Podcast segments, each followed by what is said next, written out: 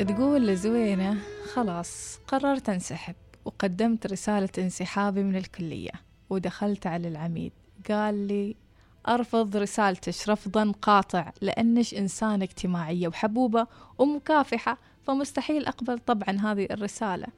طبعا خلال هالكلام تقول زوينة كان هناك موجود أستاذ محمد مصر الجنسية ما بنسى فضله طول حياتي. ما أحب ما أحب إنه يحرجني قدام العميد بس من طلعت قال لي زوينة ممكن أكلمك. كلمني على جنب وقال لي هاتي كل أوراقش وبساعدش. أعرف جمعية تتحمل بمصاريفش وفعلا وافقت أحد الجمعيات الخيرية على حالتي وإنهم يتحملون مصاريف السكن طول أيام دراستي في الكلية لحد ما تخرجت. كان شعوري وقتها مثل جبل على صدري وانزاح والحمد لله.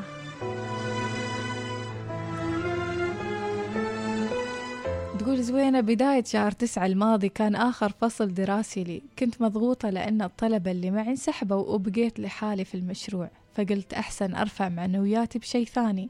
فدورت لي وظيفة ولقيت الحمد لله وظيفة بسيطة جدا.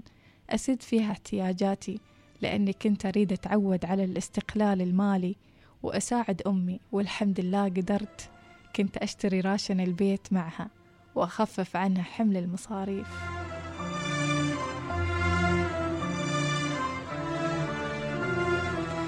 تقول زوينة خلصت وخلص الفصل بفضل الله وجبت في مشروع التخرج الامتياز. هذا المشروع اللي كان مخوفني ومسبب لي الكوابيس.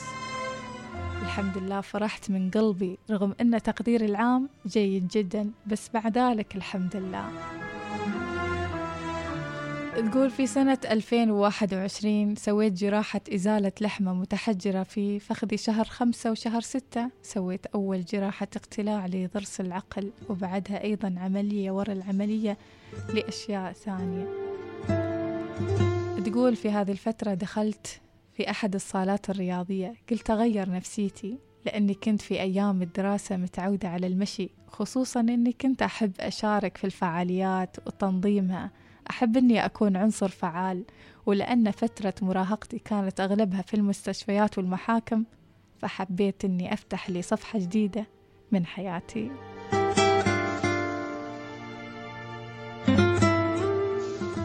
تقول زوينة طبعا ما يكفي الوقت أني أسرد إيش قصة الطويلة مع المستشفيات والأخطاء الطبية ومصاريف العلاج اللي تعبت والدتي أكثر؟ لكن لسان حالي دايما يقول الحمد لله رب العالمين.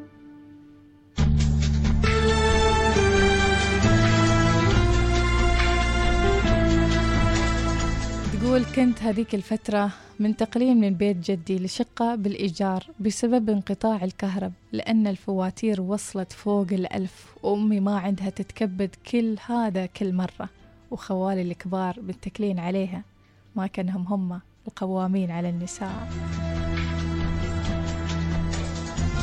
تقول المهم طلعنا من البيت ليلتين ولا حد سأل عنا وين نمشي؟ إيش ناكل؟ وش شربنا؟ وش من شلنا؟ ومن جابنا؟ وفوقهن كانت في مشاكل عائلية.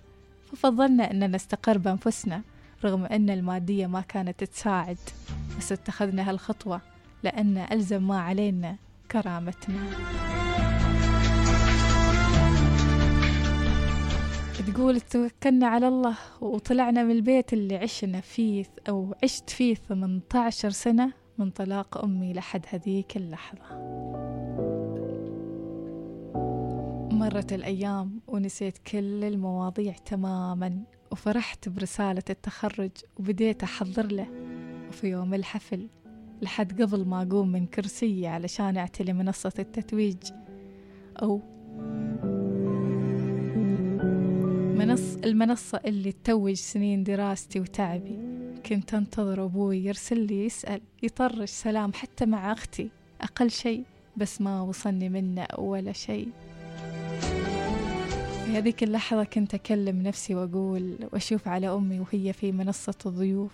كنت أقول إن الذي يرتجي بهمته شيء يأتي به ولو حاربته الإنس والجن. وأنا رغم الظروف والعثرات اللي مريت فيها والأزمات النفسية والصدمات لكني كنت وما زلت قوية. كنت بطلة لأني ما رضيت أكون ضحية. وأثبت للدنيا أني إنسانة لعزيمتها سبعين روح وأن الإنسان اللي أرتجيه يشاركني فرحة اليوم. وكنت مستعدة أنسى كل شي سواه في هذيك اللحظة. وأسامحه ما شاركني للأسف. أبوي غسان بيظل غسان بعد اسم زوينة بس.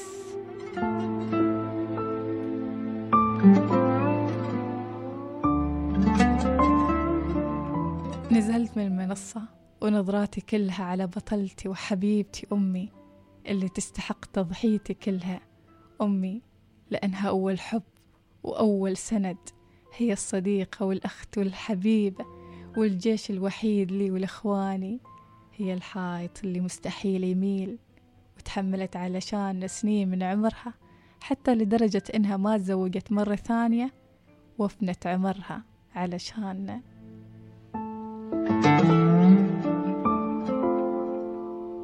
تختم زوينة قصتها وتقول ختام هالقصة.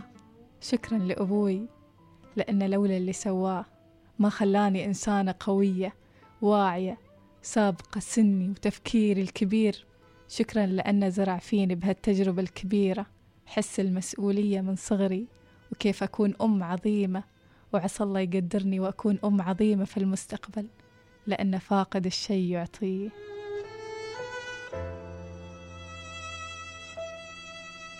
بعضهم يظنون أن المخدوش من عائلته ما يشفى أبد. بس أنا تشافيت لأني لقيت الحب في أمي وإخواني. والشخص اللي أعتبره ضلعي وصديقاتي الحنونات اللي من كل بقاع الأرض وجود هالناس حولي نعمة خلاني أبتعد عن حفر الأمراض النفسية والانتحار على وضعي اللي عشته.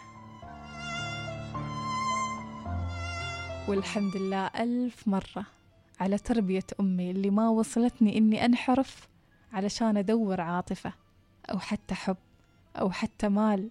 بحجة وضعنا المادي والنفسي السيء. أحب أقولكم إن الصبر آخرته فرح آخرته فرج وأنا الحمد لله ربي جبر بخاطري ولا زلت أرجو الوظيفة الأفضل لي اللي تعزني أنا وإخواني وأمي والبيت اللي نرتاح فيه ويكون ملكنا.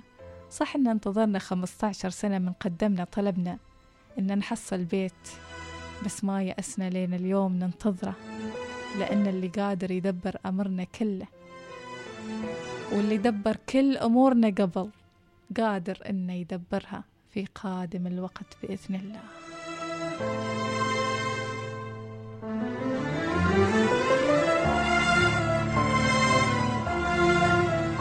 تقول زوينة في نهاية القصة اليوم أنا تكلمت عن هالشي لأني متأكدة إن في زوينة ثانية في مكان ثاني وناس داخلهم قصة تشبه الواقع اللي عشته ومريت فيه ويمكن يعانون أكثر ويمكن أقل بس اللي يفرق والأهم هل هم مستعدين يكونون ضحايا لقصصهم ولا أبطال؟